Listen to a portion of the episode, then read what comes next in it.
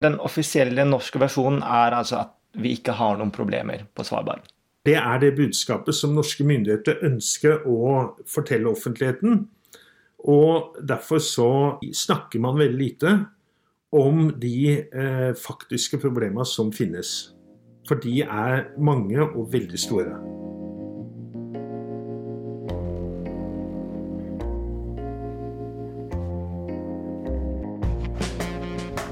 Historien om Svalbard handler om klimaendringer, motstridende geopolitiske interesser og enorme naturressurser på havbunnen. Øygruppa i nord reguleres av en 100 år gammel avtale som Norge tolker annerledes enn til og med våre nærmeste allierte. Er Svalbard på vei til å bli et konfliktområde for verdens stormakter? Du hører på Dag og Tids ukentlige podkast der vi nærmere undersøker en av avisas saker. I denne episoden skal jeg snakke med forfatter, journalist og fastskribent i Dag og Tid, Halvor Kjønn, om kommentaren hans 'Problema står i kø i Arktis'. Halvor, du skrev en kommentar i Dag og Tid 12. mars som heter 'Problema står i kø i Arktis'. Du skriver Norske interesser på Svalbard er sikra herifra og i all eva. Alle veit at slik er det ikke. Jeg skal innrømme, jeg visste ikke det. Vet vi for lite om Svalbard og de geopolitiske interessene i Arktis? Fra norsk uh, offisielt hold så er det jo slik at man sier det at uh, norsk suverenitet på Svalbard det ligger fast. Eh, dette er ikke noe problem. Eh, eh, Norge har suverenitet over Svalbard i henhold til Svalbardtraktaten. Og ingen land stiller spørsmål ved det. Likevel er det slik at veldig mange land faktisk gjør det. Altså Veldig mange land stiller spørsmål ved måten Norge styrer Svalbard på. Og veldig mange land ønsker å få et fotfeste på Svalbard eller i områder omkring. Og eh, det er nok å se på en globus for å forstå hvorfor dette er så viktig. Mm. Det skal vi komme inn på, men den offisielle norske versjonen er altså at vi ikke har noen problemer på Svalbard. Det er det budskapet som norske myndigheter ønsker å fortelle offentligheten. Mm. Og derfor så eh, si, snakker man veldig lite om de eh, faktiske problemene som finnes. For de er mange og veldig store. Så lurer jeg på hvorfor er det viktig for oss å vite hva som skjer på en ganske sidesliggende øygruppe med sist jeg sjekka 2600 innbyggere, den tredjedel av innbyggertallet til Risør? Jo. Eh, saken er den at eh, Svalbard er det stedet i, eh, som ligger nærmest til Nordpolen hvor det er et funksjonerende samfunn. Altså det er et samfunn med infrastruktur. Med internett, med veier, med flyplasser osv. osv. Eh, og det er da Longyearbyen, eh, og så er det delvis eh, Barentsburg, som er russisk. Og så er det ny Ålesund. Her er det moderne infrastruktur. Klimaet er blitt stadig mildere. I 1962, under Kings Bay-ulykken, da grua på, på, i Kings Bay uh, gikk i lufta og uh, mange arbeidere ble drept De som overlevde ulykken, de kom seg ikke ut bort fra Svalbard hele den vinteren. Ulykken skjedde jo 15.11.1962. Fordi at Svalbard var jo islagt. Altså Svalbard var omslutta av is. Og ingen norske skip kunne ta seg til Ny-Ålesund etter 15.11.62 og hente de arbeiderne som hadde overlevd. I dag kan du seile til og fra Svalbard når som helst. Fjordene utenfor eh, Longyearbyen og Ny-Ålesund er ikke lenger dekket av is. Og det var noe som skjedde for en ja, 10-15 år siden. Sånn at eh, Svalbard blir mer og mer tilgjengelig. Og samtidig er det av voldsom militærstrategisk betydning. Det er nok å se, som sagt, på en globus, så ser man det at eh, Svalbard ligger jo på toppen av Atlanterhavet. Og Svalbard er den ene, det ene beinet eller den ene søylen mellom det norske fastlandet og isen i Nordishavet. Og mellom i den passasjen ut der, der beveger de russiske atomubåtene seg. Så det strategiske russiske forsvaret, det som gir Russland eh, stormaktsstatus, det er avhengig av å bevege seg mellom det norske fastlandet og Svalbard. Så det at det er en liten øygruppe har for så vidt ikke så mye å si, men det er det at det er infrastruktur der, og den geopolitiske betydningen som blir større pga. klimaendringene. Ja. Um, når vi nå skal snakke om Svalbard i dag, um, hva er det grunnleggende vi bør vite om Svalbard? Det grunnleggende vi bør vite om Svalbard, er det at uh, før 1920 så var Svalbard et sånt såkalt uh, nulland, terra nullius som det het. Et land som ingen hersket over, som ikke var underlagt noen stat.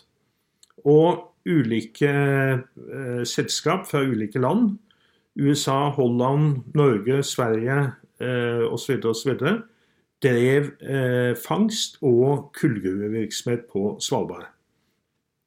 Og Så kom første verdenskrig, eh, og eh, Norge hadde en meget geskjeftig diplomat i Paris, eh, Fritz Wedel Jarlsberg. Og denne Wedel Jarlsberg han mente da at eh, Norge burde få en belønning for at vi hadde bistått de allierte under første verdenskrig. For det hadde vi med den norske handelsflåten. Og mange norske sjøfolk de var drept. Sjøl om Norge ikke da hadde vært eh, formelt sett med i krigen. Så var vi det såkalte neutral ally, som det het. Så ble da den tanken kastet fram at nå måtte Norge få suvereniteten over Svalbard. Og så kommer da i eh, samband med Versailles-konferansen eh, 1919, så kommer, da, eh, kommer det sammen en Svalbard-konferanse hvor omstendighetene for en norsk overtagelse av Svalbard blir avtalt. Og det Norge måtte gå med på for å få den hele og fulle suverenitet over Svalbard, som det står i artikkel 1 i traktaten, det var å tillate likebehandling av alle lands borgere på Svalbard. Så fremt de hadde undertegnet traktaten. Og det er det viktige punktet, at eh, Eh, Svalbard ble et eh, åpent område, men under norsk suverenitet og under norsk eh, overhøyhet. Det virker som suverenitet er et nøkkelord når det gjelder Svalbard. Um, forklar hva suverenitet betyr i den sammenhengen her. Ja, altså Suverenitet det er jo, det, det er jo den myndighet en stat eh, kan håndheve over sitt territorium. Hvis jeg står ved eh, Oskar Nahns kapell på grense Jakobselv, eh, altså tett eh, noen få meter fra grensa til Russland, og begår en forbrytelse, eller driver økonomisk virksomhet, så er det den norske staten som trekker opp rammene for hvordan dette skal drives. Eller eventuelt hvordan, om jeg skal i fengsel, eller om jeg skal bøtelegges, eller om jeg skal beskattes, eller hva som helst. Og det er det også den norske staten som gjør på Svalbard. Men da er man bundet av alle de innskrenkningene som er i Svalbardtraktaten. Altså Norge kan ikke f.eks. si det at eh, nå eh, trenger vi mer penger til det norske statsbudsjettet. Så alle som eh, holder til på Svalbard, de må betale 20% mer i skatt. Det er det ikke anledning til ifølge Svalbardtraktaten. Men Norge eh, vi liker jo å følge de traktatene vi har undertegnet. Så vi eh, følger jo eh, den eh, traktaten, ordlyden i traktaten. Eh, og så er det noen uklarheter der hvor traktaten ikke sier noen ting. Ja, for det syns jeg er interessant når du snakker om tolking av Svalbardtraktaten. Um, er alle partene enige om hvordan den skal tolkes, eller er det uenigheter der? Ja, det er, eh, det er ganske stor uenighet. Der hvor det er den viktigste uenigheten det er i havområdene og ikke minst på havsokkelen. Altså undervannssokkelen omkring Svalbard. Hva er det med den sokkelen som gjør at den er viktig? Eh, ja, altså pga. sokkelen utenfor eh, Vestlandet og utenfor Nord-Norge, så eh, sitter jo vi i eh, et land med et oljefond på hvor mye er det? 11 000 milliarder kroner. så, så bare det viser jo hvor viktig denne sokkelen er. Uten den norske sokkelen der så hadde vi jo ikke hatt oljefondet.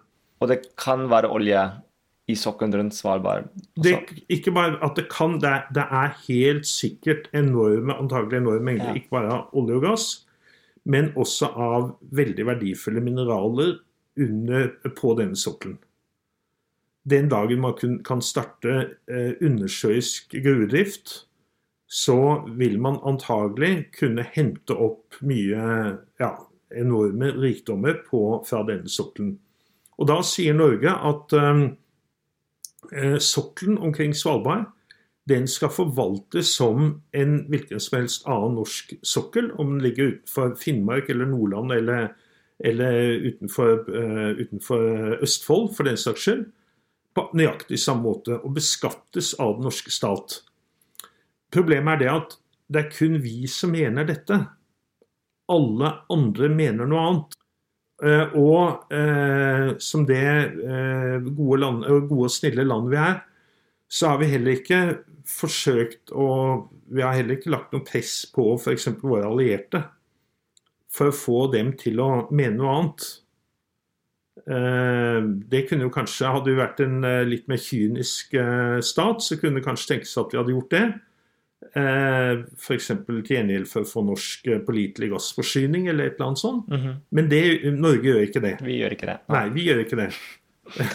Mange andre ville gjort det, men vi gjør det ikke. Ja. Eh, og derfor så, så er det slik at, at Russland og alle andre land mm -hmm. er uenige med Norge. Mm. Men ingen har brakt dette inn for Den internasjonale domstol i Haag. Mm.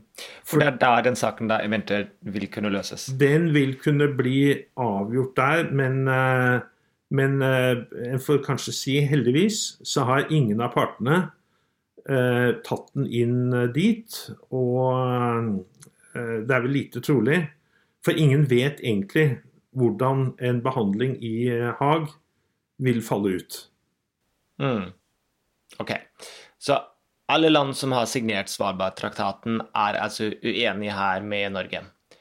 Men så virker det likevel som det er ett land spesielt som kommer med mye kritikk om Norges Svalbard-håndtering, og det landet er Russland. Uh, Norges utenriksminister Ine Eriksen Søreide fikk et nesten frekt brev fra sin russiske kollega Sergej Lavrov. Hva skjedde? Leser man det brevet som Lavrov eh, sendte til eh, Ine Marie Eriksen for et år siden, så formulerte jo Lavrov seg slik at det var Russland som hadde rettigheter på Svalbard. I, i henhold til Svalbardtraktaten. Altså, eh, Russland ønsket å komme i forhandling med Norge, som han skrev, om, om utvidelse av det russiske engasjementet på Svalbard. Det er diplomatspråk. Hvis du skal oversette for oss, hva betyr det? Ja, og her er, her er formuleringene veldig viktige. Eh, for det at eh, i, eh, i det norske svaret, som ble avgitt av en statssekretær, og det er også veldig typisk, ikke av utenriksministeren selv, så ble det slått fast at alle land, alle signatarmaktenes borgere er velkommen til å drive virksomhet på Svalbard. Men eh, Norge forhandler ikke med noen andre land om det. Altså Borgerne er velkommen, men landene, landet er ikke velkommen. Det er, det er borgerne. Og, og dette, er jo, dette, er en veldig, veldig viktig forskjell. Mm. Nå er ikke Russland kjent for å være tilbakeholden når de mener at de har krav på et landområde. Og den assosiasjonen jeg får, er Krimhalvøya. Kan det sammenlignes i det hele tatt? Ja, altså Nå har Russland aldri gjort krav på, eh, bortsett fra da i 1944, hvor det kom dette forslaget om eh, norsk-sovjetisk fellesstyre av Svalbard så har Russland aldri gjort krav på Svalbard. Og det er, det er viktig å, å, slå fast. Eh, men, eh, men eh, det at det at man stadig påpeker det at Norge ikke forvalter Svalbard i samsvar med Svalbardtraktaten, og at man vil ha eh, tosidige norsk-russiske forhandlinger om forvaltningen av Svalbard, det i seg sjøl er jo fra norsk synsvinkel illevarslende. Det er, det, et, det, er et, det er et, illevarslende eh, utspill eh, som eh, man overhodet ikke setter pris på på 7. juni-plassen. Mm. Hva, hva, kan det varsle om når du sier illevarslende? Altså hva, hva er Norge redd for skal være neste skritt? Nei, ja, det, det, det, vet man jo ikke. Men, men, eh, det er klart at eh, skulle det bli en konflikt mellom Vesten og Russland, så er man jo selvfølgelig klar over da at da kan jo da, da kan Svalbard komme inn i denne konflikten Eh, og det kan bli lite behagelig. Og det ville ikke vært første gang at stormakter på en måte krasjer i hverandre over et landområde som er litt utenfor, at det blir en slags sted for tredje konflikt? Nei, altså det, det er klart det at uh, Svalbard er det, det, eneste stedet i verden med en mm. slik status. Ja, det fins ingen annen sted Det fins okay. intet annet sted i verden hvor du har et landområde som er underlagt de restriksjonene og den måten å forvaltes på som Svalbard. Det, det, det fins overhodet ikke. Og, og, og, det i seg sjøl, det skaper jo usikkerhet og et konfliktpotensial. Gjennom historien så har jo til og med små øygrupper skapt ganske store konflikter. Jeg tenker på Falklandøyene. Eh, og mer aktuelt så er det mye um, spenning rundt øyer i Sør-Kina-havet. Kan Svalbard bli et like anspent konfliktområde? Ja, altså jeg, jeg, vil jo ikke, som jeg sa, jeg vil ikke male fanden på veggen. Men eh, om man, eh, om man eh, eh om man legger verste scenarioperspektivet til grunn, eh, så kan det jo selvfølgelig bli det. For det at uh, det er voldsomme strategiske interesser forbundet med Svalbard. Svalbard er et sted av overordentlig stor strategisk betydning. Og eh, derfor er det jo selvfølgelig i norsk interesse at eh, spenninga omkring Svalbard er så lav som mulig. Altså, og Derfor er jo også Norge veldig forsiktig med å eh, heve stemmen. Eh, Norge demper jo alltid stemmen når det gjelder Svalbard, eh, offisielt. For vi tenker slik at det landet som er minst interessert i at det blir spenning omkring Svalbard, det er Norge.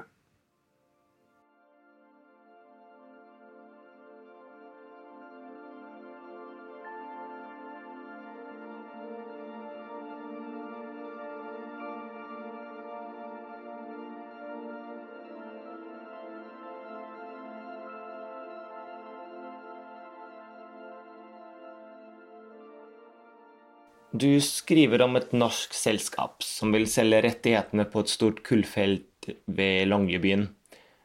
Og så uttrykker du bekymring for at det kan bli kjøpt av et kinesisk selskap. Er ikke vi glade for at det kommer utenlandske investeringer? Og hadde vi brydd oss om det samme skjedde utenfor Lillestrøm?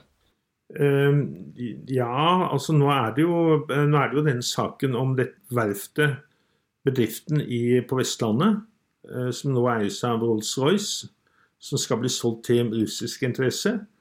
Eh, og det har jo skapt betydelig politisk brudulje. Eh, problemet med Svalbard er selvfølgelig det at man har disse strategiske overtonene. Alle vet jo det, selvfølgelig, at altså Hadde det ikke vært for det at Svalbard var så viktig, så hadde jo verken Longyearbyen eller Barentsburg eksistert eh, som by. Som byer. Vi hadde kanskje hatt en eh, forskningsstasjon i Ny-Ålesund, det hadde vi nok hatt. For å overvåke klima og, og slike ting. Men både, både Longyearbyen og Barentsburg er jo politiske bosettinger. Eh, som er der fordi Svalbard er så viktig. Og russerne, kulleierne i Barentsburg, de er jo for alle praktiske formål de er jo uttømt. Det er svært lite kull igjen. Men eh, russerne vil jo eh, forbli i Barentsburg i overskuelig framtid. Det er utenkelig at de kommer til å legge ned Barentsburg slik de la ned pyramiden. For en del år tilbake. Det skjedde på slutten av 90-tallet at pyramiden ble nedlagt. Eh, så, så, eh, så, dette er politiske bosettinger. Eh, det er et fotfeste i Arktis og på Svalbard. Og selvfølgelig bekymringen er jo det at f.eks. Kina da, kan utnytte Svalbardtraktaten til å gjøre det samme. Hvordan hjelper det Kinas interesser, da? Det som eh, jo kan da komme til å skje, det er jo det at eh, kinesiske interesser virkelig kjøper disse utmålene. Eh, og så søker de da om eh, De gir da eh, beskjed til norske myndigheter at de vil nå starte kullutvinning på dette stedet. Og så sier norske myndigheter at av hensyn til miljøet på Svalbard, så er ikke dette mulig. og da vi en, kan vi få en konflikt om Svalbardtraktaten med Kina. Og hvem ønsker det? Ja. Veldig få. Og spesielt ikke Norge. Spesielt ikke Norge. Men, men eh, derfor skriver jeg da også i denne kommentaren eh, i siste utgave av Dag og Tid at det er veldig viktig at um, det fra norsk side blir tenkt helhetlig om Svalbard. Ja, For det er ikke sånn det er i dag? I dag, blir, eh, i dag er det eh, Justisdepartementet og det som heter Polaravdelinga i Justisdepartementet, som er ledet av en ekspedisjonssjef, som i gåseøynene eier Svalbard. Og eh, ekspedisjonssjefer det er eh, utmerka folk, men eh, det jeg tar til orde for i den kommentaren, det er det at Svalbard må bli heva opp på politisk nivå. Ja, du foreslår en løsning på en måte for å møte disse problemene på en bedre måte. Ja, og eh, altså en, en, minister for Svalbard, et eget Svalbard-departement, det er kanskje å ta litt hardt i. Men i hvert fall at du burde få en viseminister. Altså en som står direkte under enten eh, ja, eh, justisministeren eller hvem det måtte være. Eh, NB, ikke utenriksministeren. Fordi at uh, Svalbard skal, skal, forvaltes som et internt norsk anliggende. Så dette må ligge under enten justis eller eh, Næringsdepartementet eller, eller, hva som helst annet. Men at det er en politisk utnevnt person som forvalter dette. Hva, hva tror du skjer dersom vi ikke løfter dette her på et høyere politisk nivå? Dersom vi bare lar det skure og gå? Ja, jeg tror det at eh, uh, altså utviklinga kan komme til å gå oss uh, forbi. veldig mange andre land de ser da betydninga av Svalbard. Og de kan da komme til å iverksette tiltak som vi kan komme til å mislike sterkt. og at vi da kan få konflikter med andre land om forvaltninga av eh, Svalbard. Og det, eh, det er en veldig uønska utvikling. Tenker du at regjeringen burde endre retorikken om Svalbard? Altså anerkjenne at det er interessekonflikter? Ja, det er jo alltid best å anerkjenne eh, virkeligheten slik den er, mener jeg. Eh, og det å si det at det ikke er noe problem, når det faktisk er det, og det å f.eks. underspille det brevet til Lavrov og, og, og la en underordna i departementet kommentere det i media, det tror jeg ikke tjener noen, noen hensikt. Og så, så en, en, en, må, en, må, fortelle Eh, både den norske opinionen og, og, og verdensopinionen at, eh, at, her er det viktige ting på spill. Eh, og at det er viktig at Norge forvalter interessene sine, sånn at eh, norsk suverenitet blir hevda, eh, at Svalbardtraktaten blir overholdt, at lavspenning blir overholdt, eh, og at den norske suvereniteten at den ligger fast. Halvor Kjønn, tusen takk for at du var med oss i dag. Tusen takk.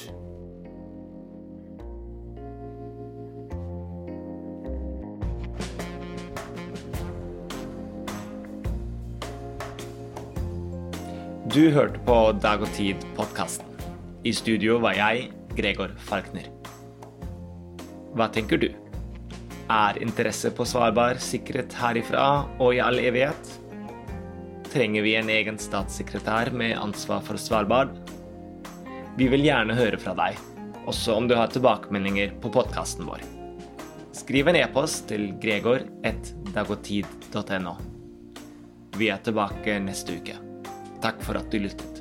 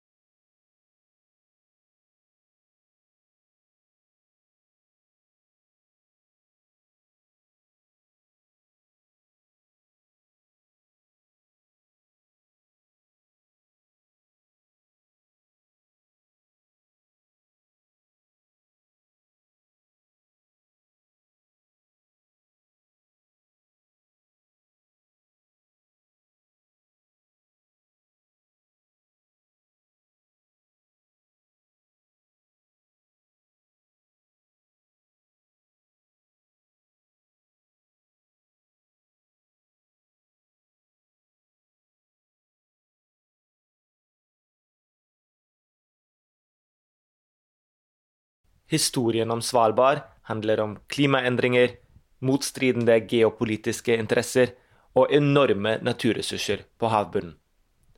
Øygruppa i nord reguleres av en 100 år gammel avtale som Norge tolker annerledes enn til og med våre nærmeste allierte. Er Svalbard på vei til å bli et konfliktområde for verdens stormakter? Du hører på Dag og Tids ukentlige podkast, der vi nærmere undersøker en av avisas saker. I denne episoden skal jeg snakke med forfatter, journalist og fastskribent i Dag og Tid, Halvor Kjønn, om kommentaren hans 'Problema står i kø i Arktis'.